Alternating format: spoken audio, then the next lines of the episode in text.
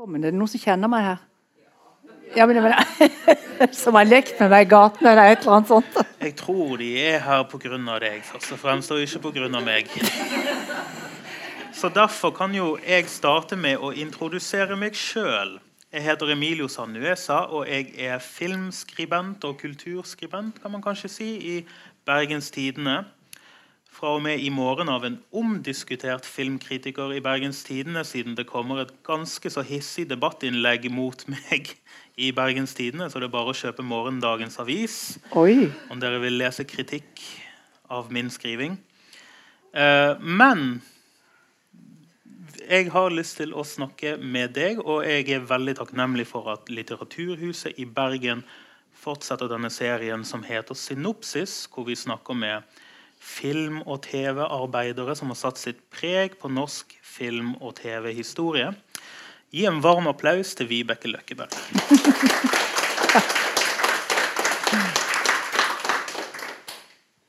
Og eh, hei til alle som hører på dette som podkast. Jeg tenker at Vi kan starte litt sånn kronologisk. Altså Ikke akkurat nå, men til de som hører på dette som podkast. Skal vi starte med begynnelsen? Du er jo født i Bergen. Laksvåg var det den gangen, ikke Bergen. Oi, det var en egen kommune. Mm. Det, det, er såpass, altså. Ja. 1945. Ja. Og du er jo på mange måter et barn av etterkrigstiden. Mm -hmm. Kan du fortelle oss litt om Gi oss et bilde av oppveksten din på Laksevåg. Ja, altså Den store løftet det var jo å gå til byen med min mor uh, lørdag formiddag og handle i Kjøttbasaren på torget. Fordi at uh, det var liksom et annet sus over Bergen. Ta Dokkefergen fra Laksevåg. Det var en liten ferge som nå ligner den som går her ute. Og da grenset vår uh, Grensen mellom by og Laksevåg den bodde jeg som siste hus på Laksevåg mot en elv som som uh, skilte oss fra det som ble kalt Blodbyen. Er det noen som husker det? Ja, ja. Ikke sant? Og derav stammer, kan du si, uh, en film som heter 'Tata'. som var noen av de første filmene. Det var nummer to, tror jeg. 'Abort', og så 'En far skal barnet ha', og så kom 'Tata'. Ja, noe sånt. Eh, der bodde en del tatere, og det bodde sikkert andre mennesker også der. Men eh, det var en slags brakkeby som ble bygget eh, etter brannen i Bergen, tror jeg. Og der eh, sa min mor at eh, der får du ikke lov å gå.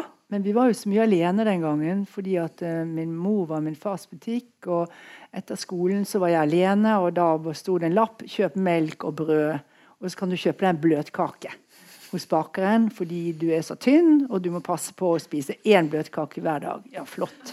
Marsipankake. Og så eh, gikk jeg eh, Var det ikke på, i Blodbyen. Der fikk jeg ikke lov å gå og handle, men jeg gikk der konsekvent. For det var et helt teater.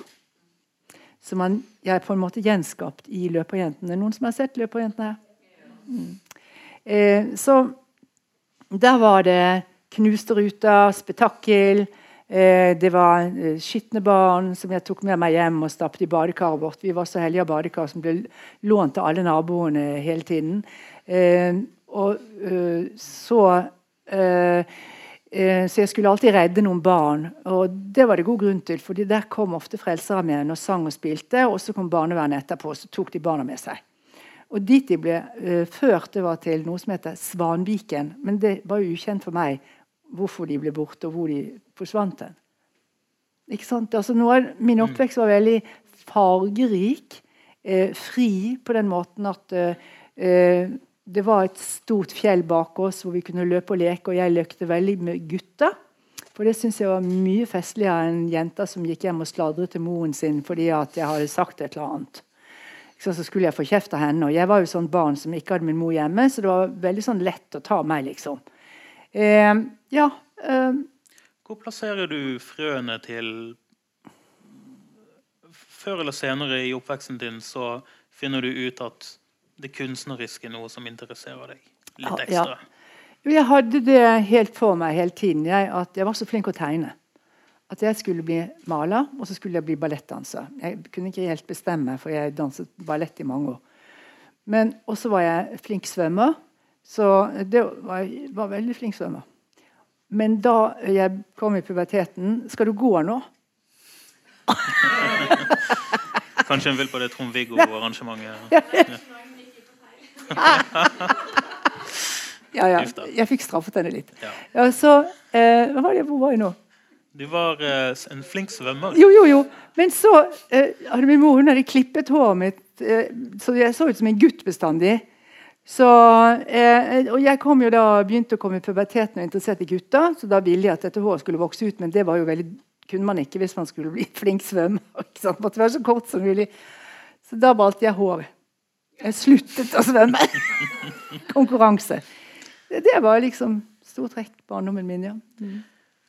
Og så var jeg løperjente i Viken, i Solumsviken. For min far han gikk konkurs. Han hadde ganske stor fabrikk.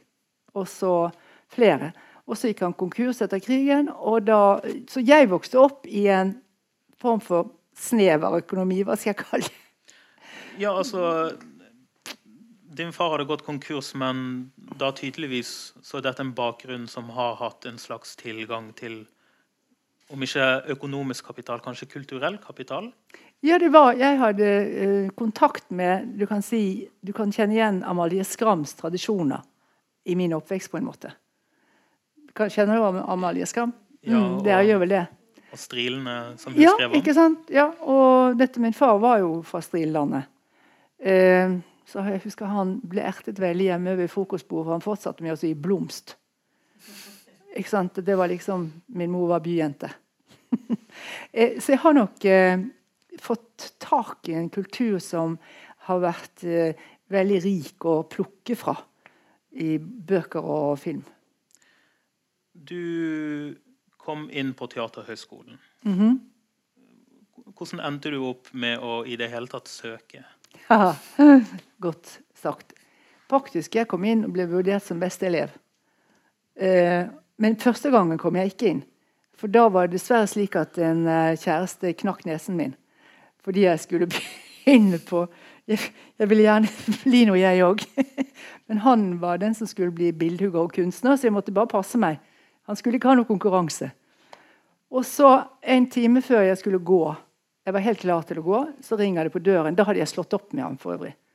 Så åpner jeg døren, og så tar han banknytten en og slår meg i nesen.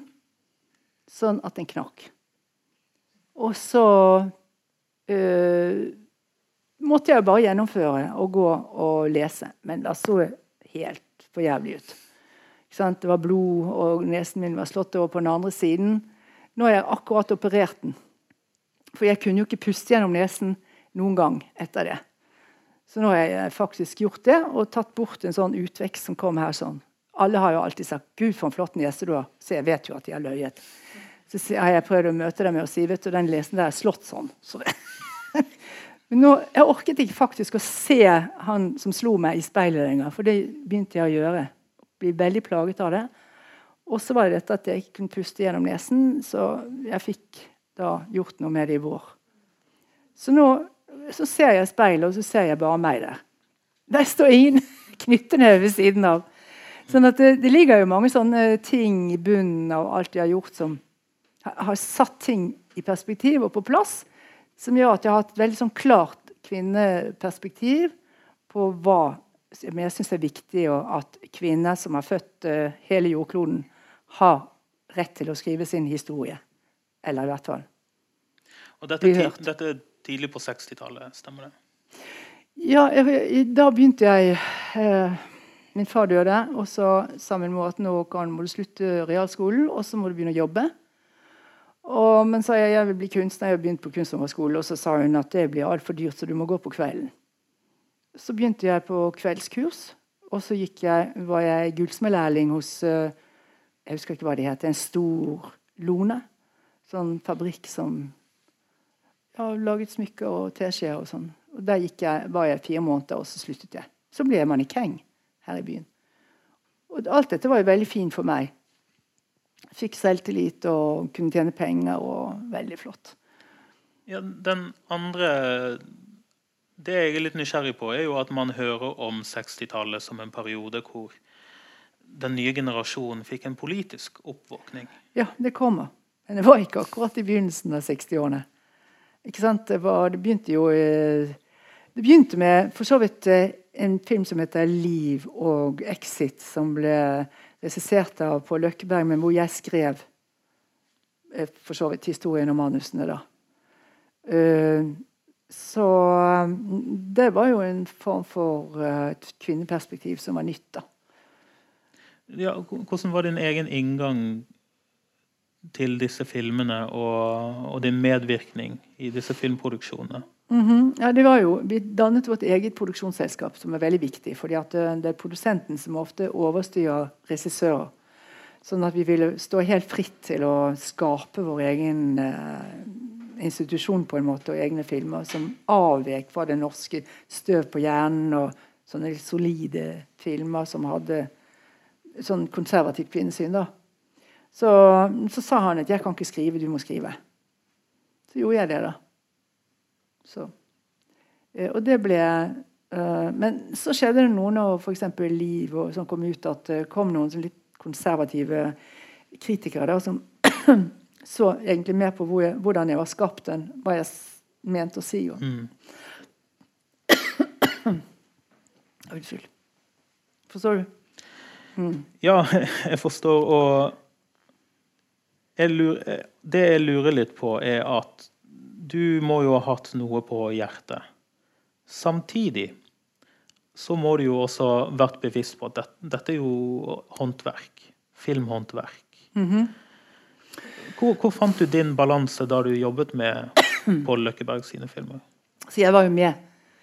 Jeg brukte jo øyne og ører. Jeg hadde jo øh, gjennom det å bli fotografert kan du si, internasjonalt og forstått fotografi på en måte, med Helmut Newton og de store uh, fotografene i Frankrike og Italia, så forsto jeg jo noe av fortellingen av, i bilde og lys. Så uh, når han tok meg jo inn i dette her og stolte veldig på meg, hadde tillit til meg, så jeg satt jo ved klippebordet og var med på hele uh, dramaturgien, klipping, og, og lærte gjennom uh, å være skuespiller og være med han og se det utenifra. Uh, så du kan jo si at uh, det, det, samarbeidet var jo det som gjorde at jeg lærte håndverket. Og En annen ting jeg er litt nysgjerrig på, er jo at 60-tallet er kjent for å være en periode der man virkelig begynte å importere filmer som ikke bare var amerikanske, men fra Europa. Italiensk film, fransk film. Riktig. Gjaldt dette deg også? Ble du Ja, ja. Det var jo det som uh, var inspirasjonen dette bruddet med den uh, industrialiserte filmen som kom fra Amerika. Og at man kunne legge personlige ting inn i det. Bare husk hva vi vokste opp med med Doris Day og med ja, Kanskje det ikke husker sånn, men altså Det var jo glamour og dansefilmer. Uh, Esther Williams altså Alt det der var jo det vi så. Og Disney og Sånn at uh, vi kunne jo dette på fingrene hva en amerikansk film var. Med Frank Sinatra som steppet og Uh, nå er dere sikkert yngre enn meg her, men uh, det var støv på hjernen med Ingrid Andersen, eller hva hun het. Inger Marie Andersen var liksom fra Bergen. Og, så det var jo et brudd som sjokkerte mange når vi kom med disse filmene her. fordi at når vi kom med de filmene vi gjorde, så sa de fortsatt 'de' til hverandre på norsk TV. Da, sånn at uh, Skillet ble jo veldig stort, og de ble veldig sjokkerte, mange uh, som så filmene. Og ikke minst når jeg begynte å lage film selv og laget en eh, abortfilm. Og så kom 'Åpenbaringen' med Marie Takvam, og den ble jo en stor skam. Og en kjempedebatt i avisen. Ja, mm. uh, og den skal vi snakke om. Uh, men jeg tenkte Følte du at det var en sånn slags eh, Følte du at du tilhørte en ung generasjon, og at du tok en kamp mot den eldre garde? Var det sånn det opplevdes på den tiden? Det vil jeg jo si i dag. Men eh, den gangen var man jo vant til at det var eldre menn som satt i, i maktposisjoner, og jeg var en yngre generasjon som var ny for disse. Eh, og du kom jo ikke unna dem. De satt jo der til de var pensjonister. Vi visste det at ja, de der skal ha hengende etter meg som kan kritisere filmene mine til, til de går ut av avisen. Så du er jo helt hjelpeløs. Ikke sant? Jeg traff en i dag som er herjet med meg oppe på flyplassen. Og de, En, en kollega av meg. ja, og de jo, de er kjempeglade i meg. når de sier 'Å, Vibeke! Skal vi kysse og klemme?' Og så tenker jeg 'faen, det var mye du Ikke sant? Men jeg klemmer tilbake, jeg. og De merker ingenting. Du er skuespiller, og så bestemmer du deg for å regissere selv. Begynner med disse kortfilmene du har nevnt. Ja. Men var det noe som motiverte deg til å ta steget bak kamera? Nei, jeg var helt klar over det hele tiden. Jeg, at eh, det, være, det var veldig begrensende å være eh, skuespiller. Og jeg visste jo hvilken eh, rolle jeg ville havne i.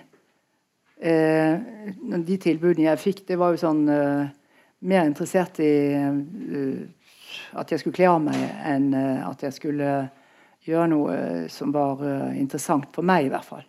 Så da bare bestemte jeg meg for at ok, jeg kan jo spille mine egne filmer og skrive mine egne roller. Og så kan jeg gjøre det som jeg syns er meningsfullt. Men da har jeg hatt en mann da, som eh, jeg giftet meg med, som heter Terje Kristiansen. Og han har jo vært fantastisk. For han har jo skjønt hele problemstillingen, at kvinner de må bare liksom få en stemme. Og det har han sørget for at jeg fikk produksjonsforhold som gjorde at eh, det gikk an. Kan du si at det var spisse albuer? Nei. Nei. Eh, Det var kontroll over produksjonsmidlene. På den måten at vi laget vår egen, vårt eget produksjonsselskap. Det var ikke sånn at vi måtte gå med manuset vårt til norsk film og spørre kan dere søke for oss, så vi kanskje kan få laget denne filmen, og så kan de si nei, vi liker ikke manus. De Ja. hadde Kan du fortelle litt om altså, denne standardiserte, vanlige måten å lage film på i Norge på den tiden? Ja, altså Da hadde jo Norsk Filmproduksjonsselskap de hadde på en måte all makt. Det var ikke noen konkurranse til de. Og så var det Team Film som laget Olsenbanden, den lettere filmtypen. Men Norsk Film var det seriøse. Og da måtte de like mitt manus eh, blant mange andre og plukke det hvis eh, de skulle sende det inn til produksjonsselskapet hvor det satt kanskje syv medlemmer og eh, talte på fingrene og sa nei, vi vil ikke gi det penger, vi vil gi det penger eller det penger. Eh, sånn at det var et nåløye å komme gjennom. Så f.eks. 'Løperjenten' skulle lages på norsk film. Men så bestemte han eh, Borge seg plutselig for at Ida skulle lages, altså en annen film skulle lages. Og Da ringte Terje opp til Førde, husker jeg, som satt i Kulturdepartementet og sa du har der noen penger igjen etter dere har gitt alle andre, som bare lite grann, så vi kan få det til å lage 'Løperjenten'. Ja, det er ikke umulig, sa de. Og så fikk vi den. Og så eh, kjøpte vi alt filmutstyr selv, så vi var, slapp å leie hos Norsk Film, som var enerådende på å leie utstyr. Og vi var det første produksjonsselskapet som gjorde dette. Vi kjøpte brukt utstyr. Så vi hadde alt vi trengte, og dannet et produksjonsselskap, og da har du kontroll. Eh, og slik ble 'Åpenbaringene' og 'Løperjenten' laget. Hvis ikke vi hadde hatt det, så hadde de aldri blitt laget. Så i dag så har du jo masse små produksjonsselskaper. Etter vår modell. Men den gangen ble vi veldig motarbeidet, fordi dette tok jo da interessen fra norsk film, og de, fikk ikke, de var plutselig ikke allmektige mer.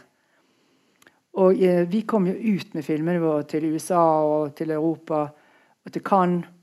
Og dermed så ble de sure alle sammen og sa at de, når vi kommer ut på filmfestivaler, så snakker de bare om dere.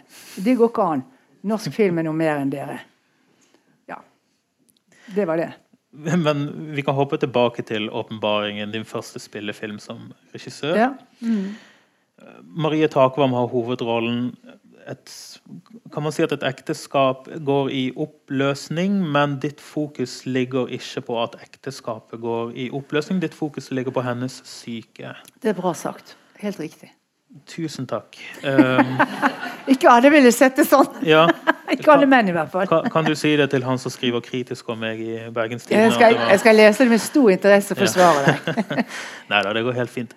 Men åpenbaringen um, Jeg tror veldig mange husker mye av mottakelsen den fikk i etterkant. Ehm, og så har jeg bare lyst til å nevne en liten ting før vi snakker om åpenbaringen. Og det er at du har bevist i forkant av åpenbaringen at du har altså en politisk interesse med, fi med filmene dine. Og det har du bevist gjennom kortfilmene dine. Så kan du og da tenker jeg spesielt på Tatere, som du nevnte Ja. innledningsvis. Mm. En av de få norske filmer, altså kortfilmene og filmene som har hatt en veldig direkte påvirkning på norsk lovgivning. Som da førte til veldig store endringer i denne tvangsassimileringen av tatere. Som fortsatt mm. fant sted på 70-tallet. Ja, det gjorde det, ja. Mm. kan du fortelle litt om måten du fant fram til politikken i filmkunsten din? Og din implementering av politikk. Mm -hmm. For dette er jo noe som har gått igjen gjennom hele din karriere. Ja, og det var et brudd for så vidt med det som jeg laget med på Løkkeberg. fordi at da sto bare den kvinne eh, Det var kvinneskikkelsen som sto i sentrum. mens i de andre filmene mine så har jo en, du kan si, saken også fått plass. F.eks. incest i uh, hud og den du nevner, Tata, liksom at systemet som vi finner oss i, det er urettferdig.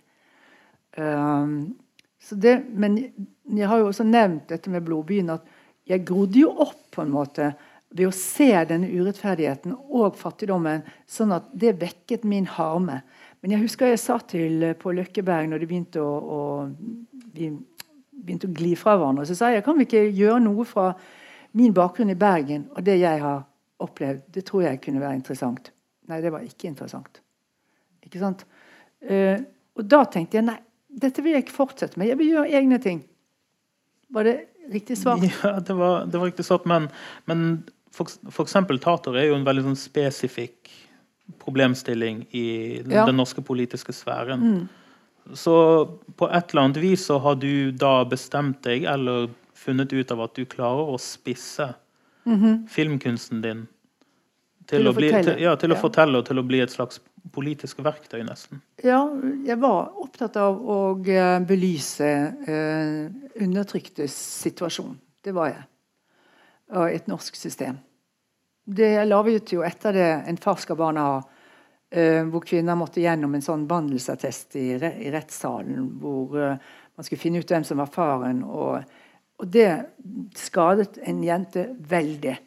Eh, hvis hun pekte på en mann som da For den gangen kunne du ikke ta blodprøver og alt dette her. Som, hvis hun hadde ligget med flere enn én mann, da var hun regnet som en hore. Så disse farskapssakene de var utrolig rammende for disse jentene som mm, hadde pekt på en far. Eh, og Det også ble faktisk endret etter den filmen. Den gikk på NRK også. Så, og så kom abortfilmen. Og den var vel før det der, tenker jeg. Og Den hadde også stor innvirkning, for dette var akkurat i den perioden hvor den loven med selvbestemt abort ble endret. Så den hadde en, eh, også en påvirkning, for der var jo en del Arbeiderpartifolk inne i bildet. Så når du er um, i gang med åpenbaringen et ja. par år senere, mm -hmm. Da har jo kanskje denne politiske oppvåkningen som vi nevnte tidligere, for alvor satt i gang i Norge. Mm. Følte du at du var en del av en større bevegelse? Ja, det er klart. Når 68 kom, så, så på en måte følte man en frigjøring til å kunne si høyt disse tingene. For det var så mange som var enige. Eh, og Det er jo klart det er styrkende.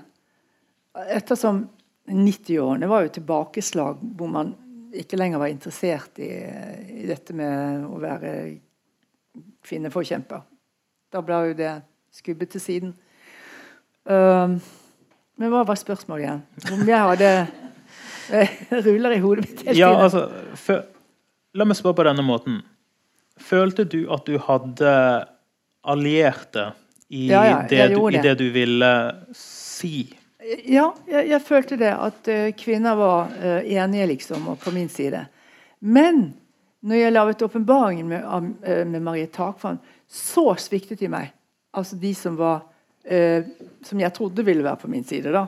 For da hadde du sånne motsetninger inni kvinnebevegelsen hvor man hadde noe som heter sirene. De var imot kvinnefrontere. Og så kom jeg der med en kvinneskikkelse som ikke avsluttet filmen sånn. Uh, i sånn politisk 'vi skal seire' og den stilen der. Men tvert imot gå ut til vinduet og skjære over pulsåren sin. Det var helt fatalt. Altså, det å vise en kvinne som da ikke eh, var en vinner, eller som tok kampen opp, eller gikk seirende ut av en film, det var helt kass. Så, så begynte de å skrive artikler i avisen om at de hadde misbrukt Marie Takvam og stakkars henne og kledd av henne og alt sånt. Ja, kan, du, kan, du, fortelle litt om hva åpenbaringen er? Altså litt om, om filmen? Ja, jeg vet ikke hvor mange som har sett den filmen. Har noen sett den? Den kommer aldri til å gå på NRK. ja. Ikke noen gang! det forteller om en litt eh, eh, overvektig eh, dame som den gang var 50. Og den gangen jeg laget den filmen, hvis du var 50 da, så var du helt ute. og særlig med den vekten hun hadde, så er hun gift med en vanlig kontoristmann som er lei av henne. For, og, og sønnene hennes er eh, voksne og forsvunnet. Og hun kjenner ingen i den, det, dette her eh, teppet av sånne like hus. ikke sant, hva heter det? Og så kommer hun da fra landet i Bergen og dette Oslo. Hun, hun kjenner faktisk ingen. Hun har bare holdt på med disse barna, og så havner hun i totalt vakuum. Og Da forteller jeg historien om hvor ensom hun er. Og hun begynner å bikke over i, for hallusinasjoner. Uh, så du skjønner at hun er på feil vei. på en måte. Og Så kommer hun hjem en dag, og da eh, mannen har han ligget med kontordamen sin. og Så finner hun menstruasjonsbindet til denne kvinnen under sofaen. og så eh, altså, Du viser et menstruasjonsbind på film. Og Så går hun i dusjen, og så er hun for stor. Så du ser hennes store bakdel. Det sjokkerte da mange menn sa at det er bare slanke kvinner som bør vises på film. Sånn at det var en revolusjon, faktisk. Den filmen var det. Og Den uh, gikk f.eks. Uh, også i Los Angeles. Og da, etter visningen, så dannet uh, kvinner i Los Angeles Women in Film. En stor organisasjon i dag. Og det var min idé. Altså, det må vi gjøre. Så der var den filmen både i New York og Los Angeles. Da var de helt ville med den filmen. Men her hjemme så turte jo ikke folk å se den, for det var en skam å se den fordi at det sto eh, Vibeke Løkkeberg har laget slaskeporno, sto det. Eh, kjempebokstaver i Dagbladet. Så du kan tenke deg det liksom Og det var jo eh, litt sånn skammelig å ha noe med meg å gjøre. Ja, men det jeg syns er litt interessant her, er at nå har jeg lest litt om mottagelsen av åpenbaringen. Mm. Og det blir veldig enkelt å sitte igjen med inntrykk om at skandalen var et faktum fra og med premieredagen, men det var jo kanskje ikke helt tilfellet. For den største filmkritikeren på den tiden var jo Arne Hestenes mm -hmm. i mhm. Dagbladet. Ja. Men han fikk ikke sett filmen til å begynne med. Nei, for den fikk god kritikk først. Ja. Først fikk den god kritikk, og så kom han hjem fra Cannes. Og så så han denne grusomme filmen, og så veltet han alt og skrev slaskeporno. Var det ikke sånn? Jo, det, du vet dette bedre enn meg, håper jeg. Men... jo da, men du har lest det riktig opp.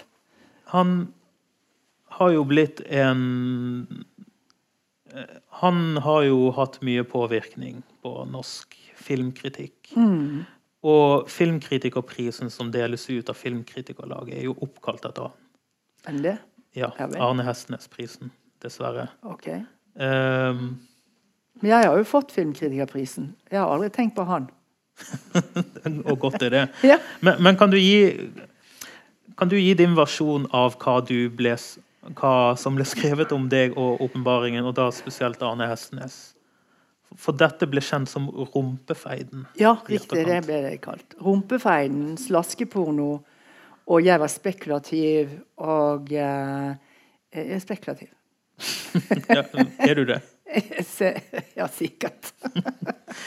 men, men, fortell litt om denne feiden. Altså, det, jeg har lest noe av det som ble skrevet om filmen og om deg. Ja. i etterkant av åpenbaringen. Og kort oppsummert, dette er jo veldig usaklig. Veldig usaklige ting ble skrevet om deg og om filmen. Mm. Mm. Det må jo ha vært sånn du følte det der og da? Ja, altså, filmen er jo barnet ditt, og den bør jo helst kunne gå på kino, at det kommer noen og ser den. Og så. Men han ødela jo alt sammen. Så, men den ble jo historisk på den måten at uh, den feiden den gjør jo at uh, den har blitt husket, da, kan du si. Uh, ja, men vil du heller ikke at folk skal skrive om liksom, ditt regivirke og Jo, jeg har hva aldri du prøver å Jeg har aldri fortelle med filmen? forventet det. Jeg har aldri hatt den forventningen fordi at jeg har visst at jeg går på tvers av mange holdninger, og på tvers av hva man forventer av en film. Sånn at uh, For meg har det bare vært viktig å grave meg ned og så, sånn muldvarp bare få gjort de filmene. Og så OK, de blir mottatt sånn. Ja, neste film. Skjønner du? Men, men betyr dette at du kanskje hadde en mistanke om at dette kunne skje? det, eh, mm, hva skal jeg si? Nei, man blir alltid veldig overrasket hvis man blir kalt spekulativ, hvis det liksom blir tatt uh, Ikke ser liksom uh, hva jeg Altså at jeg er seriøs, da. Det, det, det sårer meg mest, kanskje. Men når det er sagt, så vet jeg at jeg går mot neste film, og det vil bli det samme. Det en, men jeg bare tenkte her OK, jeg må gjøre et grep. Nest etter åpenbaringen må jeg lage den perfekte filmen filmatisk som ikke eh, går, går utover noen tabuer. Det skal bli Løperjenten. Sånn at jeg var, jeg var bevisst på hva jeg gjorde da. Jeg skrev, den, skrev Løperjenten, og det skulle bli den filmen som de ikke kunne ta meg på eh, på den måten som åpenbaringen. så det betyr at mottakelsen av åpenbaringen hadde en effekt på estetik, Ja, estetikken til løperjenten, eller innholdet? Mm, ja, innholdet kan du si uh, fordi at uh, Jeg kjente mine pappen Hva er heter det på bergensk? Ja, ikke sant? Jeg kjente alle sammen nå. Og jeg skulle fortsette å være filmregissør.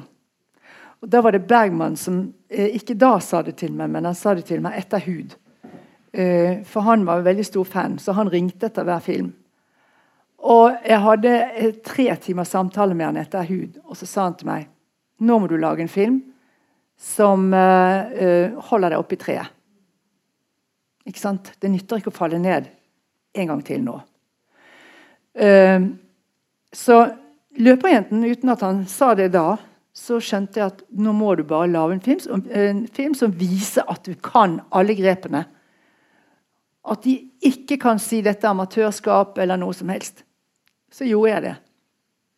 Betyr det at mottakelsen av åpenbaringen gikk inn på deg?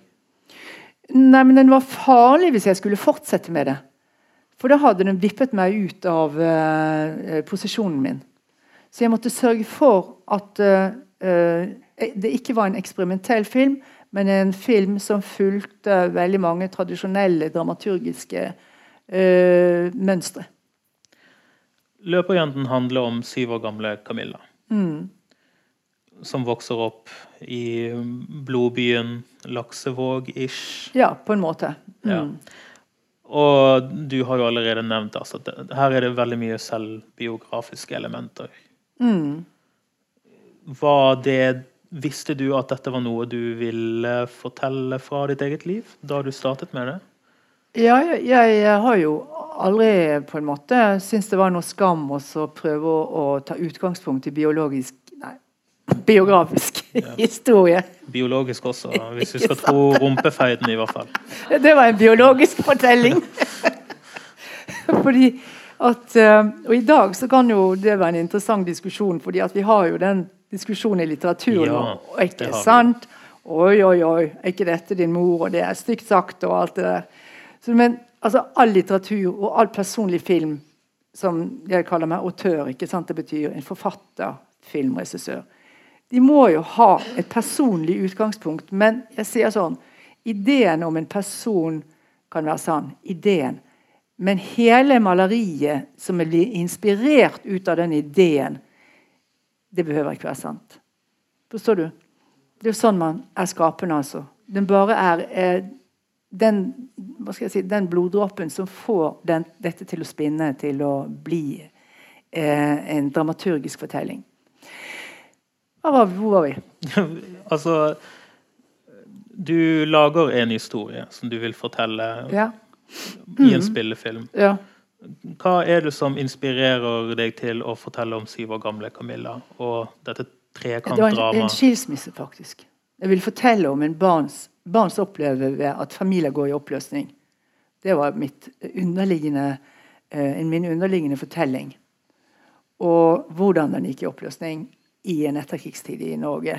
Hvor man hadde ideer om å komme seg bort. Drømte om, Faren drømte om å komme til Canada. Eh, de har gått konkurs. Det, det er snakk om de som ble nazister. Og så har du Svein, som er venn til den syv år gamle Camilla. Som faktisk har det samme navnet som min bestevenn jeg, der jeg vokste opp. Men historien rundt han er helt noe annet. Den er tatt fra Blodbyen, kan du si. For min Svein de kom ikke fra et sånt hjem. Men den kjærligheten som var mellom han og meg, den er den bygget på. Veldig solidarisk uh, vennskap.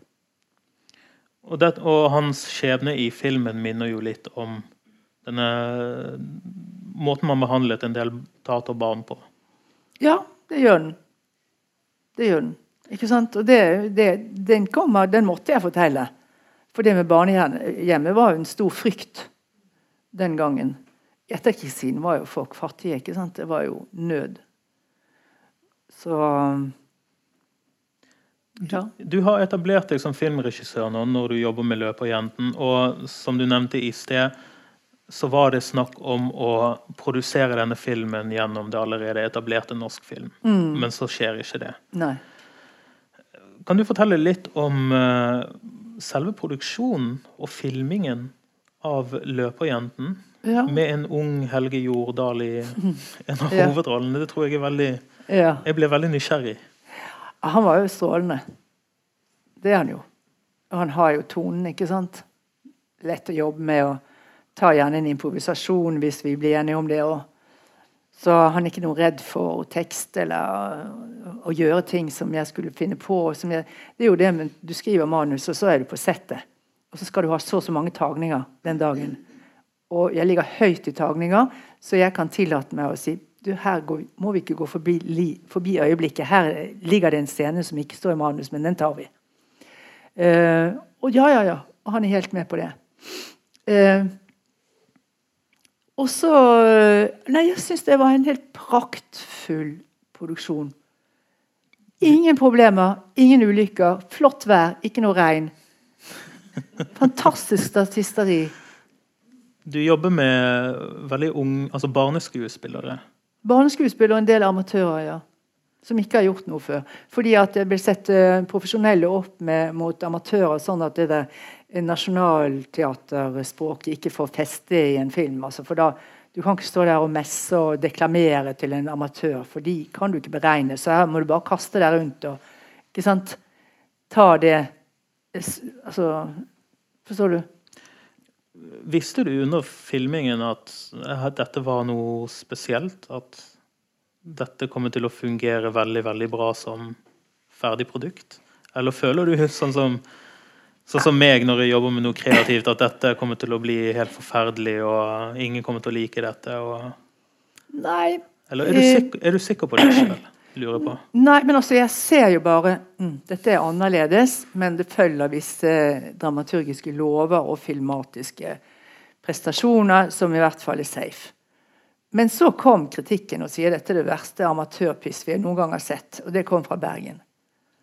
Ikke sant? Og dette å vise slummen her, og så kommer denne filmen til Amerika. Det er jo en skam for byen. Og, og og Vibeke Løkkeberg er den største amatør som noen gang har laget film. Hun burde få et lommekamera isteden. Det var Bergen. Det er min fødeby. Ja, Ikke sant? Det er ganske morsomt. Det er trist, syns jeg, men Men du De vil ikke sette den opp. De vil, nei, det vil de ikke. Ikke Oslo heller vil sette den opp. Så De setter den opp på en bitte liten kino. Og så fikk den, så fikk den Kritikerprisen, og så fikk den ja, eh, førstepris i Haugesund. Og da satt alle kinosjefene og pep. Men vi var reist bort da, for vi hadde hatt opplevelsen av åpenbaringen. Så vi, vi, var ikke til stede eh, den dagen kritikkene kom i Haugesund. Så da var vi reist eh, til Kreta. Men du fikk jo også veldig positive kritikker samtidig. Ja, Fra østlandsavdelingen fikk vi det. Ja, ja, det var strålende. Aftenposten og Dagbladet og alt det der. Men ikke Bergens Tidende, du. Nei. de der. Nei. Men, og, gjorde det litt vondt at Ja, du ikke ble profet jo- jeg må jo si i egen by? At uh, jeg er glad jeg kom i dag. Bergen har ikke vært det stedet hvor jeg har hatt størst publikum. Det er sikkert. De har hatt det vanskelig med å nå frem til meg, fordi at det har blitt kastet ut så mye rare ting i Bergenstiden at eh, Så det har vært en veldig vanskelig tilgjengelig by for meg. Har det noe å gjøre med det å vokse opp i etter krigen også, at du så At du var så tett innpå ting som ikke var så bra Det kan med, med samfunnet? Ja, men det var jo det de ikke likte ved denne filmen. Fordi at uh, jeg viste liksom uh, uh, litt sånn sider ved Repslagergatene som jeg filmet i. Det var jo ikke noe man ville vise frem til turister, så det kunne gå utover turistbesøkende, mente de. Men den hadde jo altså premiere i New York og i Los Angeles og Chicago. Jeg reiste jo rundt med en liten baby ved brystet og hadde disse svære pressevisningene. Sånn at Det var jo plaster på såret, kan du tenke deg. Da dreit opp oppi hva de sa her. Du var jo i Cannes med den filmen. Ja, ja, ja. Var i Cannes. Den ble valgt ut til Cannes i 17. regard. Det er kritiker, eh, kritikerne som velger den, og i Hud så var det Nei, hvordan er kritiker? Nei, hvordan var det? 17. regard er vel Hud. Ja. Ja, og Gazas tårer var også 17. regard. Den har vært i, eh, i så mange festivaler som det går an i hele verden. Så Ja, så, men det, det du sier om mottakelsen av Løperjentene, er jo veldig interessant. For mitt inntrykk da jeg leste meg opp på Ja. mottakelsen, var jo at den var veldig god. Men din opplevelse er kanskje litt mer eh, Nei, i Bergen var den dårlig. I Oslo var den helt fantastisk. Der var kritikken kjempeflotte. Er du ikke enig? Jo, jeg, etter å ha lest de, så er jeg veldig enig. Ja, ja. Så det var her det skjedde. Hva, hva tenkte du var litt, Hva hadde du lært som filmkunstner etter Løperjentene? Altså, du gikk for å lage noe som kommuniserte gjennom kanskje et litt mer tradisjonelt filmspråk sammenlignet med åpenbaringen. Ja. Eh, og det får meg til å tenke på film som et håndverk, som et dramaturgisk håndverk. Riktig. Ja. Er Løperjenten noe du lærte av? Prosessen med å jobbe med denne filmen? Du lærer jo av alle filmer. Du må gjøre dem for å lære dem, for å lære noe. Men, men det forteller jo også, tror jeg, at jeg har eh, Jeg kan gå inn i mange eh, stilarter. Og at det fortsatt er en Vibeke Løkkeberg-film? Det bør det jo Selv være. selv om du, Ja, selv om du veksler mellom ja, du ulike kan si at hvert eh, stoff krever sin stilart. Mens du kan se for mange regissører som er autører, sånn som det mener jeg, da, at de, eh, de lager samme filmspråk hver gang. Mens det er veldig stor forskjell på 'Åpenbaringen', 'Løperjenten' og på 'Hud' og 'Gazastårer'. Så hver gang så prøver jeg å finne frem til et nytt språk, på en måte. Det syns jeg er interessant selv. Ja, for i Hud så har du gått for en helt annen Ja. estetikk. Da hadde jeg råd til det. Tenkte, nå har jeg erobret markedet. Jeg har erobret eh, de kritikerne som er interessante. Jeg har erobret Amerika. Kan. Nå skal jeg kaste meg ut i noe helt ukjent. Og det er sånn som når du sitter og skriver en bok. Du aner ikke hvordan den boken vil bli. Og det er helt ukjent for deg. Så når du har skrevet siste side, så sier du hm, dette visste jeg ikke. At jeg hadde alt dette her innabords. Sånn, var, eh, sånn er hver film, og sånn hud særlig. Fordi at da bare bestemte jeg meg for å bli sugd inn i det, sånn som Tarkovskij. Inspirert litt av Tarko- Tarkovskij og dette med det dvelende, det suggererende. Det Ja. Og det Bergman var jo veldig fascinert av den filmen spesielt, eksempel. Det er veldig mange som fokuserer på at du behandler incest Mm. i den filmen. Hva fikk deg til å i det hele tatt ville behandle det sjøl? Fordi at det eh, var et et tema som var veldig lite oppe i debatten den gangen. Men jeg visste at det fantes. Du var et liten jente, ikke sant? Blitt lokket inn i et skur av en eller annen obskur arbeider eller noe sånt som blir befølt. Og du får denne problemstillingen at det fins voksne menn som er interessert i meg, og jeg er seks år. Ikke sant? Og da eh, får du kontakt med en dimensjon som er så farlig at du til slutt må ta i den. Og du, du hører om overgrep fra fedre mot barn, stefedre osv. Så, uh, så det, jeg bestemte meg for at det var en oppgave jeg måtte ta meg av. På en måte, Hva gjorde jeg nå? Du, du lo inn i mikrofonen. gjorde jeg? Ok. Ja. ja. Så Men det ble jo uh, Dessverre så åpnet hele den, den produksjonen som var så svær den, Der fikk vi noen ulykker underveis. Sånn at vi brøt arbeidsmiljøloven f.eks. Jobbet for mye for seint, og teamet kom imot oss. Men det var rett og slett ulykker som skjedde. Det kan skje på mange filmproduksjoner. Sånn at debatten liksom gikk i feil retning allerede lenge før den var ferdig. Du sa at du, for, du forventet at det skulle bli bråk etter åpenbaringen. Mm -hmm.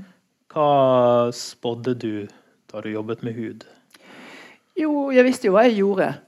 Uh, og jeg allerede på settet kan du si også jeg merket en stor motstand som begynte å vokse fordi at det temaet ble for hett. Faktisk for en del av uh, folk som sto rundt meg, som var team. Ikke sant? Uh, fordi at de, de, føler seg fornærmet på menns vegne, rett og slett. Ja på en måte. Men du er jo også veldig vågal estetisk sett med hud. Mm -hmm. Du har musikk av Arne Norheim. Ja. Som jo er den store modernisten i norsk samtidsmusikk. Mm. Settingen er 1885. Mm -hmm. Også det er en veldig eh, vanskelig å gjennomføre som filmproduksjon, antar jeg. Man krevende, i hvert fall. Veldig krevende. Uh, du skal jo ikke gå ut av det maleriet du har gått inn i. Og da har de en Munch som forbilde når det gjelder bildene og lys. Uh, han var jo tyskinspirert, i motsetning til Sverige, som var inspirert av det franske uh, impresjonismen. ikke sant? Sånn at jeg hadde tatt meg ut et lys og en, et bilde, og til og med disse kostymene var tegnet etter Munchs kostymer. Så eh, jeg var veldig gjennomført på det. Mm -hmm. Dagbladet skrev 'En grandios mangel på måtehold'. Det er så flott. ja. Det, det, er litt sånn vanskelig å vite om det er et kompliment eller en fornærmelse. Nei, det er en fornærmelse, men det som er morsomt med han kritikeren som jeg heter Per Hardal, han var den eneste som For da, da var han altså, veldig overbevist om at jeg var et kjempetalent. Så han fikk komme til Sverige, hvor vi eh, lydsatte, eller, gjorde filmen ferdig på klippebordet. Sånn, og fikk se filmen uh, som første kritiker. Og han var overbegeistret for filmen. Og Det skriver han også i Aftenposten, at han fikk bakoversveis. Dette var enormt. Det var fantastisk. Så skjer det da at filmen kommer til Haugesund og ble vist for samtlige kritikere. Og etterpå så ble jeg sittende alene med Terje, hvor alle gikk forbi oss uten å si ett ord om filmen. Ingenting. Så samlet de seg, og da tror jeg de var 150 stykker, i et rom ved siden av, og de var veldig het debatt. Og um, da skjønte jeg at filmen skulle ned. Og så skrev han da kritikken, det du sier der. Da fikk han ikke bakoversveis mer, nei. Han syntes den var grandiøs, grandios, eller hva det var. Men det fortalte meg også noe om at her er det en jente som vil fortelle disse gutta noen ting. På en måte som ikke har kjøkkenrealisme i seg, men tar den store, klassiske eh, formen og bruker den på et sånt eh, nedrig susjett som pedofili. Hvis du skjønner. Det skulle vært laget sånn Kjøkkenrealisme det er en billig film. Sånn eh, Ikke lyssatt, ikke noen penger inn, ingenting. En sånn bortgjemt. Men dette her var ment for uh, et stort publikum. Og kan.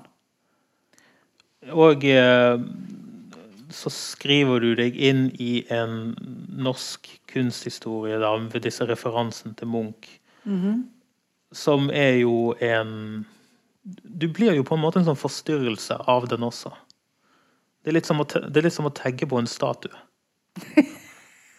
Nei, men det er, på, det er, jo på, en måte det du gjør. Ja, taggingen det var vel selve temaet.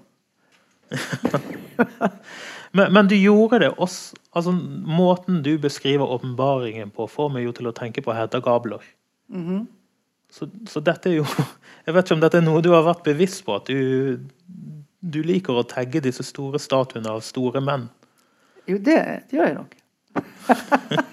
jeg liker å erte det litt. Eh, fordi at eh, det har vært viktig for meg liksom å kunne uh, slå dem på form og på stil og på kunnskap og håndverk. Og Det er jo det de har prøvd å ta meg på også hele tiden. Ikke sant? Det er noen uskarpe bilder her i Løperjenten. Ikke sant? Sånn. Så har jeg brukt 16 mm kamera for å få det så autentisk som mulig, så du skal føle at selve filmen er fra 48 som er kornet. ikke sant? Altså, jeg gjør masse ting for å få til en autentisk um, neorealisme, da. Som var moderne den gangen. I 48. Tror du at veldig mye av denne eh, hissige kritikken er noe som ville blitt unngått hvis du var mann? Altså hvis du, hvis du må være helt ærlig? Altså ja og nei. Fordi at de kan, fikk jeg ikke den kritikken. Og det er også menn. I Amerika får jeg den ikke. Det er også menn. Eller jeg er jente. Og det er menn som bedømmer det. Og jeg kan se at kvinnelige forfattere kan bli akseptert de skriver store bøker. Det er ikke så mange som lager film av kvinnelige filmregissører. Det er det jo ikke. Det er flere forfattere. Så jeg, jeg, stiller meg spørsmålet om det ligger på det kjønns, kjønnsmessige planet, eller om det også ligger en sånn personlig ting bak det. At eh, altså, jeg som type provoserer. Jeg kan vise meg sinna overfor en kritiker. Jeg kan eh, jeg viser eh, hva jeg mener. Jeg sier hva jeg mener. Og det er mye sånt uh, man ikke gjør. Man skal tekkes uh, man skal tekkes det bestående, man skal tekkes autoriteter, man skal tekkes menn i stillinger. Uh, de eldre vet bedre, de vil gjerne belære meg. Og alt det der har de jo ikke fått lov til. Kan det være noe i det? Ja, spør du meg Ja. jeg vet ikke. Jeg, altså, det er jo flere enn jeg som kan bedømme det her. For jeg har ikke alltid den rette distansen. Så må jeg jo ikke sitte her og klage heller. For jeg er jo veldig fornøyd med karrieren min, må jeg si. Det, det å tror det eller ikke. du, har, du, har, god grunn til å være det. Eh, en, det er jo ting som går igjen i disse filmene, og det er jo veldig ofte det, perspe altså det perspektivet du velger i disse filmene. Mm -hmm er ofte psykologisk gavmilde overfor hovedpersonen. Mm -hmm. At, at du, du, liker å sette deg inn i det indre livet mm. til disse personene. Altså selv i 'Løperjenten', som du sier, er kanskje litt mer tradisjonelt fortalt, ja. så, så, plasserer du kameraet slik at vi i publikum er henne mm -hmm. i mhm. mange øyeblikk. Når hun, når hun titter inn under skjørtet til til ja. farens uh, nye kjæreste. Ja, riktig. Ja. Når du lager drømmesekvensen i åpenbaringen. Mm. Ja, jeg vil jo fortelle noe mer enn en sånn betraktende holdning til min hovedperson. Så jeg går jo veldig inn i hennes sinn, da. Det er jo viktig for meg å gjøre. Hvorfor er det viktig for deg? Jo, fordi at eh, du må jo lage et levende menneske enten barn eller voksne, så, så, skal du på en måte føle at du ser eh, et levende menneske som du har utviklet til noe som treffer hjertene på folk. Og det er jo det viktige. jeg, jeg tenker at nå, Tiden flyr når man har det gøy, og det er så mange ting jeg gjerne skulle snakket om, så jeg har lyst til å bare hoppe frem til Gazas tårer. I løpet av 90-tallet så endrer jo karrieren din seg. Og vil du liksom fortelle litt om hvor du føler at du hadde havnet? Liksom på midten av 2000-tallet, slutten av 2000-tallet? Etter å ha Ja, laget så mange bare- spillefilmer? Da hadde jeg jo stort sett la, uh, skrevet romaner. Jeg har skrevet fem romaner. Her er de, to av de. Det er sånn Purpur. Og den ble solgt på auksjon i Frankfurt til syv land eller noe sånt. Og den her sånn, det er en historiebok fra Bergen. Bombingen i Bergen. Og den ble så dårlig solgt i Bergen fordi at jeg gikk imot noen autoriteter som ikke ville la seg trå på tærne. Eh, for de mente at den bombingen var helt forsvarlig. Det er jo jeg helt uenig i. Men det er en spennende bok. Dere kan kjøpe disse hvis dere har lyst. Og denne her Purpur den er en historisk bok fra renessansen i uh, Italia. Og den henter sin hovedperson fra Bergen. Eh, den er også veldig spennende. Eh, Kan, kan det være at hovedpersonen minner litt om deg? ja, hun går jo imot paven, så hun blir jo lyst i banen. sånn at det har Ja, det høres litt kjent ut.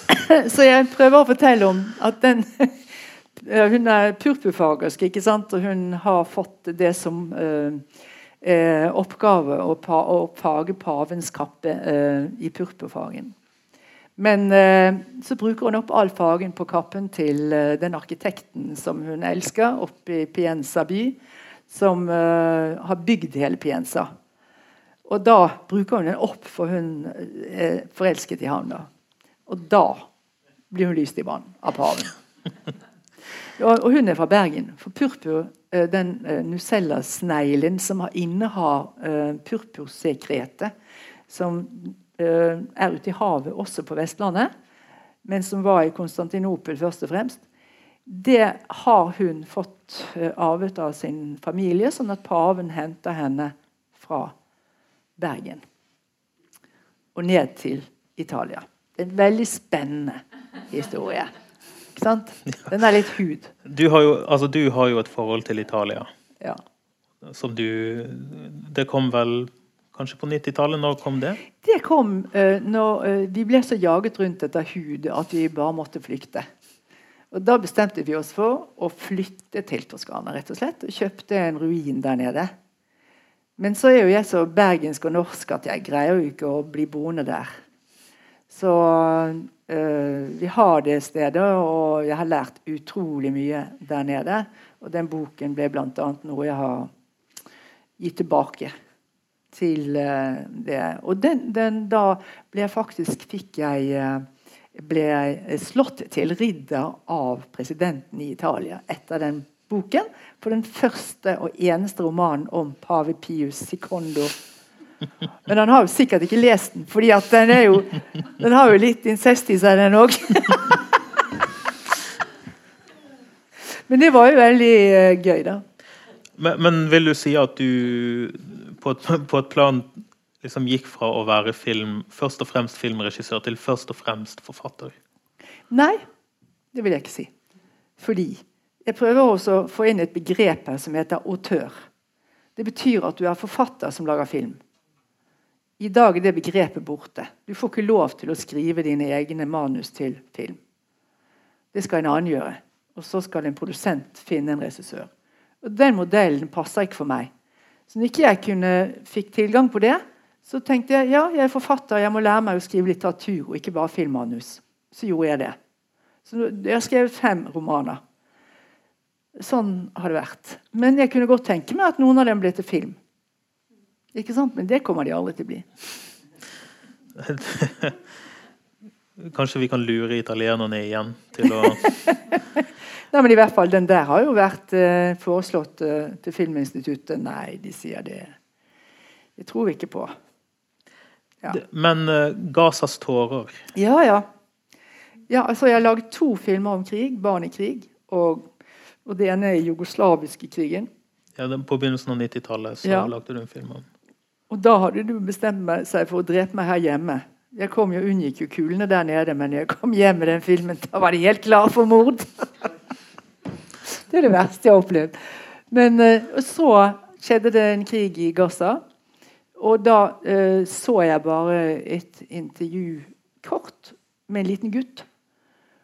Og så bare reiste jeg meg i stolen og så gikk jeg og ringte til Fritt Ord og ledelsen der og så sa jeg, jeg må ned og lage en film om disse barna. Kan du hjelpe meg med penger?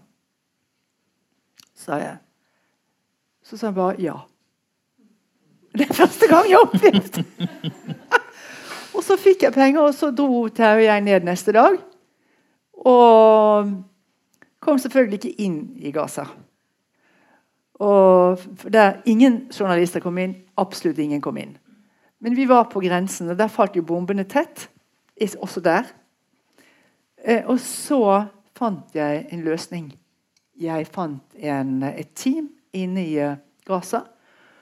Og jeg hadde Skype, og jeg hadde et manus som jeg sa Kan du gå og finne den gutten? Kan du hjelpe meg å finne en jente? Hun kom for øvrig opp, så jeg kunne ta filmen i Norge.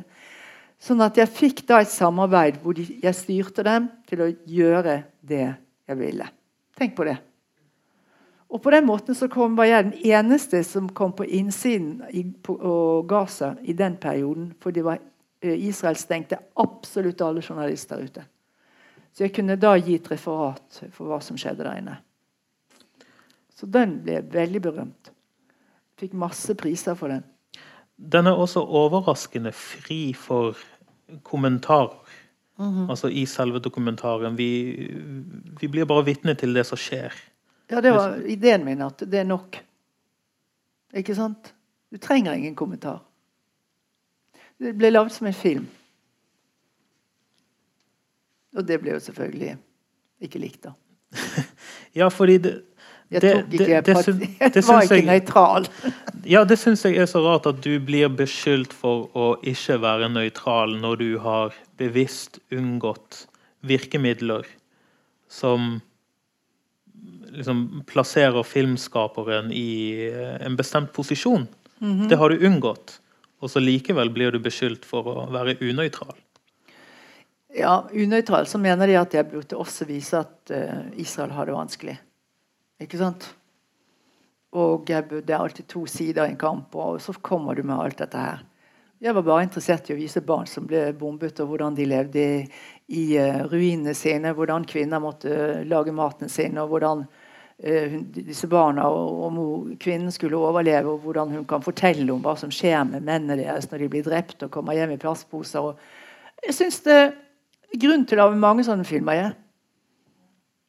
Men uh, ja. Ser du, ser du sammenhenger mellom Gazas tårer, som da er 2010, og det du var interessert i i 1970? Ja, altså, er, er det en veldig tydelig rød tråd for deg? Ser jo veldig sammenheng med Tater og den og Ja, det gjør jeg. Og, og, hva er de sammenhengene i dine ord? Det er vel det som uh, gjør at du kan si det er uinteressant å se på dokumentarfilmer eller filmer som skal ta alle slags sider, og ikke våge på en måte ta et standpunkt eller ta side for de som er opplagt på den undertryktes side. Hvis du skjønner.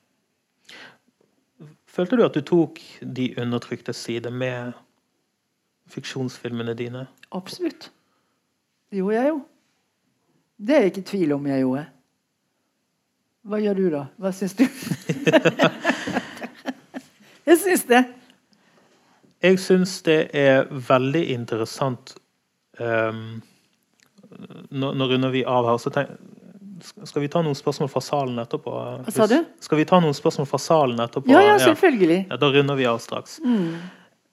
Jeg syns det er veldig interessant eh, at ikke bare i Norge, men kanskje over hele verden, så blir kvinnelige kunstnere og kvinnelige forfattere veldig ofte De blir rammet inn slik at de bare får lov til å være autoriteter på seg selv.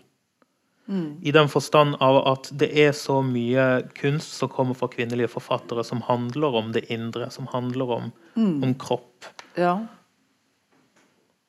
Om, om, systemisk undertrykkelse. Ja, altså For, for å si det på denne måten, kunne du laget en film om kong Haakon? Det, altså, ja, Da måtte jeg jo finne ut noe vi ikke visste om han. Ja, altså Som overrasker alle, ikke sant? Nei, nei men for, for, å si det på denne måten, altså det, Du har åpenbart valgt å fokusere på liksom, kvinner, barn, de som det kanskje ikke lages veldig sånn store, episke verk om. Mm. Det er jo bare det som er interessant. Det samme gjør jo Amalie Skram. Og Torborg Nedreås. Torborg Nedreås ja. også er en av mine som, ja, som... Absolutt. Det er hun faktisk. Hun er jo litt borte blitt, dessverre. Så 'Lav Tore Hein' var jo etter hennes bok. Ja. Mm. Den er der også, om du ser det. Ja, absolutt. Mm. Sånn ha, Har du noensinne tenkt på å oppsummere din egen karriere og liksom konklusjoner rundt hva karrieren din har vært. Det kommer jo en, en bok om deg blant annet, til neste mm. år. Jeg overlater det til henne. Hun som skriver den boken? Ja. Fordi at det, det, det, altså det, å sitte og se på seg selv og lure på hvem man er og hva man har gjort, og alt det der, det er ikke så interessant, syns jeg. Det får noen andre finne ut. Og så må jeg bare fortsette å skrive. Så det kommer en bok til høsten, en ny roman, og så kommer det en biografi som ikke jeg skriver men som en, en seriøs uh, doktor, heter det visst. Som, som, prøver å se på livet mitt og, og uh, kunsten og litt sånt. Så uh, hun intervjuer meg en hel del, da. Så det kommer vel en konklusjon der. men altså, jeg liker å leke. Og det vil jeg ikke slippe. Så jeg har ikke lyst til å bli sånn analytiker på meg selv, eller, for da stanser jeg opp noe. Nei, jeg må fortsette å bare eh, rote meg frem. Sånn helt avslutningsvis. Du har jo altså Familien din fortsetter jo å jobbe i filmbransjen. Mm, ja. Hvor ser du at norsk film og norsk filmbransje er på vei? Altså, hvilke betraktninger gjør du deg rundt fremtiden? Når det gjelder norsk film? Ja, Når det gjelder hva folk har på hjertet og gidder å lage film om. Jeg tror ikke det har så mye at de gidder, eller hva de gidder. Ja, men jeg ser jo at systemet er et slags fengsel for dem. Filmer skal estimeres. Hvis ikke de uh, kan tjene så og så mye penger, så vil de ikke bli anbefalt i Filminstituttet. For det sitter der bare én som estimerer alle, alle manus. Uh, så de skal gjennom mye sånne ting, og da blir de avvist. Så de har jo ikke så stor sjanse. Så de må vri talentet sitt sånn at de kan liksom jeg ser det på datteren min, som nå fikk sånn hva hun fikk, eh, Spelemannsprisen for en musikkvideo.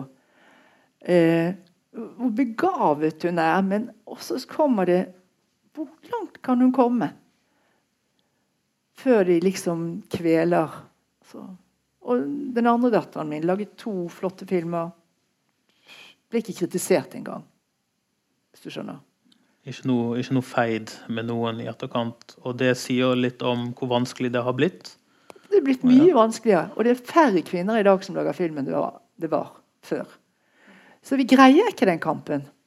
Og gutter har blitt så smarte og så har så på en måte mange eh, utveier til å som gjør at de utkonkurrerer enhver som har en litt spede stemme om en indre konflikt eller noe som vi kan identifisere oss med. Så det er mest guttefilmer som blir laget. Det var litt derfor jeg nevnte kong Haakon i sted. Ikke sant? Det blir, eh, det blir helter. Det er det vi skal se fremover. Sånn at uh, Marie, datteren min, hun sier det at det som nå er interessant, er å lage uh, serier for TV. Film blir mer og mer uh, gutteorientert. Og jeg tror ikke det er der man skal liksom, legge energien sin Ja, det var kanskje et litt uh, pessimistisk uh, note å slutte på. Um, da åpner vi opp for spørsmål fra salen. Beklager at det ikke er noen mikrofon her, men jeg tror det skal gå greit. Er det noen som lurer på noe, så er det bare å spørre. Hvem er det som eh, skriver biografien din? Johanne Servold Kielland heter hun. Uh, og hun uh, er uh, forsker. Ja, hun er ansatt i På film, høyskolen. på Høgskolen i Lillehammer Ja, og jobber riktig. med film. Ja. Ja. Og hun er veldig dyktig. Veldig kjølig, analytisk dame. Så Det er i hvert fall sånn at eh, hun ber meg å snakke om forhold og de jeg har møtt og har Var ikke han kjæresten din en gang? Og sånn, så skal vi der, liksom. Og så ringer hun jammen opp til den kjæresten hun som jeg hadde når jeg var 19 år. og skal vi, vet Hvordan var hun egentlig som kunstner? Og så blir han rasende. Jeg vil inn i noen biografi. Og så ringer han til meg og sier hva er dette for noe? Jeg vil ikke inn i noe sånt. Og så sier han men har ikke vi vært sammen, da? Nei! så jeg mener, Nå er jo de 70 år. ikke sant? Vi søren meg ikke har repetert dette her. Så han der som slo nesen min, han har jo fortalt om det. Sånn, jeg ringer han, og så går jeg opp og snakker med han, sier han. er du gal, sier jeg. Han er jo gift. og hvordan, Du kan ikke Jeg må det, sier han, for det forlaget sier at alle de du snakker om, de må jeg snakke med. så hva jeg får av det der, det aner jeg ikke. Men det er sikkert festlig. Så du, du har helt gitt deg med å lage film nå? Nå er det kun bøker? Nei, det gidder jeg ikke mer. Nei, det er gjort. På en måte. Det det kommer ikke lenger enn det jeg har kommet. Så nå elsker jeg dette med å skrive bare romaner. Så slipper jeg å ha Du må tenke på når du lager film, så står du overfor et team på 50 mennesker omtrent. Og det, alt skal gå bra, og du skal ha en produsent som er, orker. Og det har jeg hatt, men eh, nå orker han ikke mer. kan du tenke deg. Så Nei, men dere må love meg å følge isteden bøkene mine. For det tror jeg er ikke noe mindre interessant. Jeg tenker på det at du ikke er så, eller var i hvert fall så godt likt i Bergen. Har det noe med det at man ikke skal skite i eget reir? Nå blir jeg helt svimmel. Ja, altså, hva skal man gjøre, da? Ja, Skite i eget reir. altså Enhver forfatter har jo den tendensen til å skite litt rundt omkring. Det ser vi jo nå. Men, men eh, man blir ikke likt. Nei da, sikkert ikke. Men jeg så på denne boken, som jeg trodde jo ville interessere mange. Den ble nesten ikke solgt i Bergen. For, fordi at han Hva het han som gikk imot meg? Tenker du på han eh, Ja. Nei, ikke, ikke historiker, men han, eh, han var jo så Han var- elsket i byen her. Og han hatet meg for denne her. Nei, nei. Han var kanskje i militæret. Ja, ja, han var sånn frihetskjemper og var i F-16, eller hva det heter. Han var jo det. Ja. Milorg, altså. han- var i Milorg, og, uh, uh, og det jeg sier her, det, det hater de. Man får ikke lov å stille spørsmålstegn ved noen ting, og man må forstå at uh, i krig da er det bomber som gjelder. For å vinne krigen så måtte de bombe Laksevåg. Ferdig med det. Så, og det var en underkjent um, uh, handling som ikke er kommet inn i historiebøkene, enten dere tror det eller ikke. Så står det nevnt i en liten notat. Og eh, tenk deg at 70 skolebarn ble drept. 200 mennesker ble drept under den bombingen. Eh, altså Og min familie Vi holdt på å miste min bror, jeg mistet min bestefar, jeg mistet min tante, jeg mistet min kusine. De ligger ute på Nygård grav. Ikke, eh, gravsted. Altså, det er jo full, alle gravstøttene der har dette med eh, 4. oktober 1944. Det er en historisk plass, egentlig. Sånn at uh, Når han sier at må, Den gangen ja, så kunne ikke mødre som hadde mistet barna sine, de kunne ikke klage og si uh, noen ting. Og de kunne, de, Det var ikke lov å si at det var de allierte som bombet en gang. Nei, det het seg at det var tyskerne som bombet. Og hvis man ikke sa det, så fikk man juling i gaten. Og man ble utstøtt av det gode selskapet her i byen. Man skulle lære seg å si at det var tyskerne, det var ikke de allierte. Og så hvis du da likevel sa ja, men barnet mitt ble drept, så blir truet de deg med å si ok, hvis ikke du holder kjeft, så blir du kalt nazist. For det vil si at du klager over de allierte, du er på feil side. Så det var en veldig alvorlig situasjon for menneskene på Laksevåg, og mødrene spesielt. Det handler den litt om. Men, men det som er interessant eh, i, i mottakelsen av den boken, er jo at den den kritikken den boken fikk, er jo kritikken man vanligvis ville gitt En dokumentar. en, en dokumentar eller en, en historiebok. Ja. Dette er jo en roman. Det er en roman. Men uh, da kan du si Jeg falt litt i den samme eh, Hva det heter sånn søppelkassen som hun eh, som har skrevet om incest nå, og sin far og alt det der. Vigdis Hjort. Ja, Vigdis. At uh, man gikk uh, eh, tok det bokstavelig. At dette var min far, dette var min sånn, og det var sånn. Men det er jo et teater, alt sammen. Men det er basert på den bombingen og effekten en krig, altså en sånn hendelse, har på en hel familie. Og det fulgte jeg jo opp med Gazas tårer etter den. Fordi at jeg tenkte ok, de har ikke skjønt hva dette med bombing betyr. Og Det var også en av motivene mine for å lage Gazas tårer, for at man skulle vise dem hva dette er. Sånn. Og det var sånn her. Det var en flatbombet bydel. Kan du si noe om forskjellen på den mottakelsen her i landet og i utlandet? Altså, du har vært inne på det, men altså, hvordan opplever du at de tok det imot i utlandet? Jeg har bare hatt strålende mottakelser i utlandet. For å si det sånn.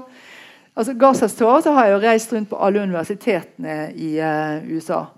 Og den gikk opp i New York, i Los Angeles, i San Francisco. Og fantastiske kritikker. I New York Times, f.eks. Fantastisk kritikk. 'Must see', står det liksom i overskriften. Og, kritikerens favorittfilm. Det er ganske lang reise mellom en norsk kritikk, og så åpner du New York Times. Og Los nei, ikke Los Angeles, men New York Times. Ja,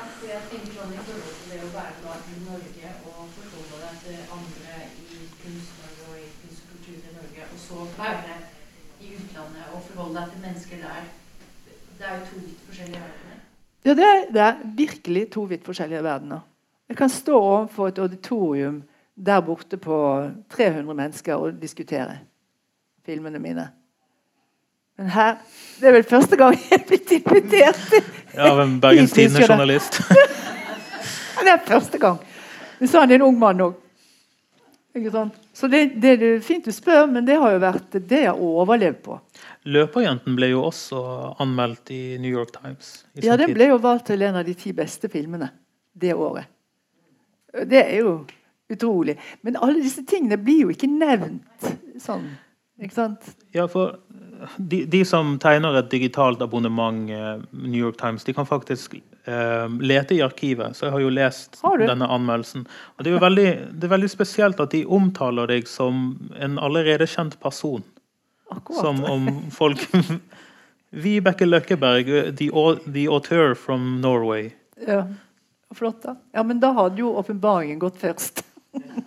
Så de hadde jo sett uh, meg på Kan du si, da? Mhm. Ja. Mm. Det jeg er nysgjerrig på, er de altså, norske reaksjonene. Så her i Norge må man jo ha vært klar over det. Hvem? Ble det ikke kommentert? Ble det bare helt annullert, oversett fra norsk hold? Nei, de er ikke interessert i det. For det, de vet jo bedre. For de er norsk. Så de kan lese filmene mine at det er noe galt. Så de er litt dumme, de der som ikke skjønner det. De er jo fra utlandet. Så, så jeg, jeg vet jo det at uh, Pål Bang-Hansen i sin tid han gikk jo rundt nede i, i, uh, i Cannes og sa til alle som ville inn på, på eh, hud og, og sånn at jeg må ikke gå inn og se den filmen. Den er forferdelig, den er grusom. Ikke gå inn og se den. Og eh, når den jugoslaviske filmen min eh, skulle på kino, da sto de og eh, kjøpte billettene altså for 100 kroner, og de kostet 50 til publikum som, som skulle inn. Altså De betalte dem for ikke å gå inn. Jo, det er sant. Og de, det var eh, avisfolk. Sånn at det skulle være tommest mulig inn i Så de har vært eh, ganske utspekulert. La så? Det har jo overlevd. Så har jeg et spørsmål. Kan jeg få lov til Mm. Et spørsmål? Et, et bilde. Å ja, ja, ja, bare ta bilde, du. Ja, det er bare å ta bilder. Ja, Ja, ja, ja. selvfølgelig. Jeg er litt nysgjerrig på Tata-dokumentaren, for det er jo helt fantastisk at den fikk så mye politiske konsekvenser. Ja. Nå har vi hørt litt om hvorfor du lagde den, men har du engasjert deg for tapernes sak i ettertid, eller tenkte du at da måtte du gå videre til Mm, Jeg gjorde jo det, for de ringte meg jo hele tiden. og De ville jo De var jo så glad for dette her. De var, jeg ble jo deres helt, ikke sant? Og det var utrolig koselig. Men du kan si det at jeg lager ikke Gazas tårer to ganger. Eller jeg går fra øh, øh, altså til noe annet. Fordi dette, jeg er jo profesjonell oppi det. Eh, sånn at jeg er jo ikke en sosialarbeider. Men eh, jeg er jo veldig eh, stolt over å ha gitt dem noen ting, da. Men jeg kan ikke gjøre noe annet og mer for dem. Det, når jeg brenner for noe, så gjør jeg det da. Og så må jeg over til noe, et annet tema.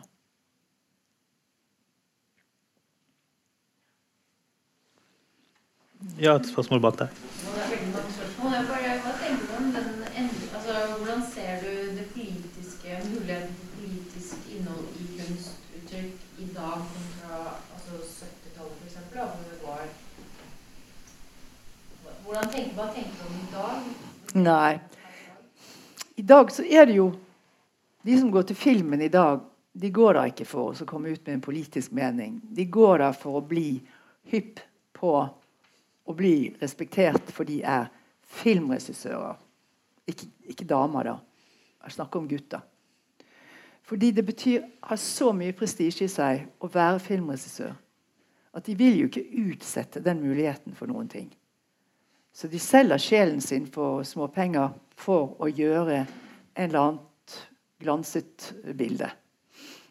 Ehm, så kan det jo hende at de får et godt manus og de kan gjøre en film som man blir interessert i. Men veldig mye dessverre er spekulative filmer hvor de selv skal bli famous og berømt. Så, så og jeg tror ikke det er så, så mange som trykker på den døren der heller. Og jeg tror ikke de får lagd noe heller. Vil du si at det var bedre forhold for politisk film på 70-tallet? Å ja. Men 'Gassas tårer' var nok den siste. For da husker jeg at det var i eh, eh, eh, Hvor var jeg? Eh, oh, I Canada, i hovedstaden der. Hva er den heter? Ottawa? Hva? Er ikke det? Ottawa? Nei, nei Toronto, Toronto, var jeg. ja. Unnskyld. Den største byen. Ja, det var det. Eh, og så eh, Der eh, var filmen 'Gaza tårer' valgt til eh, å vises på filmfestivalen. Og det er en veldig stor, flott filmfestival. Som begynner i dag, forresten. Det, ja? ja? Ok. Så da var vi der. Og, og det var en stor forestilling. Og det var en enorm respons på filmen. Um, og så etterpå så blir man jo omringet av folk som gråter, og som har noe å si. Og da husker jeg godt at det sto en del representanter for Filminstituttet i en krok og så sa ja, nå viser det seg at denne filmen her er en politisk film, og det er jo ikke det vi skal lage. Ikke sant?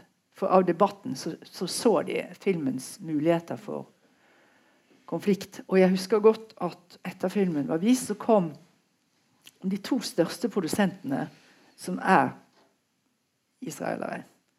De kom og bort til meg og sa at eh, kan vi få en DVD av denne filmen. For de ville studere den nærmere. ikke sant? Det husker jeg veldig godt. Og de fikk jo det, da. Men det er de to absolutt største produsentene der borte. Sånn at filmen gjorde inntrykk på det. Men det var jo ikke en bra film for, eh, for de, da. Fordi at i, i, eh, det er veldig farlig å lage en sånn film i USA. Da er du ute av hele Hvis jeg hadde vært en del av filmmiljøet der borte, så hadde jeg vært ute. For man kritiserer ikke Israel der. Er det noen som brenner inne med et spørsmål, så må de nesten ta det nå. For vi har egentlig gått en halvtime over tiden. Vi har, vi har kost oss så veldig. Eh, og vi kan jo fortsette i mange timer, men vi må jo tenke på de ansatte her. Å oh, ja, de, ja. ja. sånn er det. Ja. Men hvis det ikke er noen, så ønsker jeg å takke for at dere kom på Synopsis. Og det er bare å gå inn på Litteraturhusets hjemmesider eller å ta med seg et av de mange programmene som er her på huset. Det er et utrolig bra høstprogram. Ehm, og det er ikke bare dette konseptet som er bra, det er veldig mange konsept som er bra, bl.a. Trond-Viggo sitt eh, ved siden av. Veldig populært, har jeg hørt. Um, tusen takk til Vibeke Løkkeberg.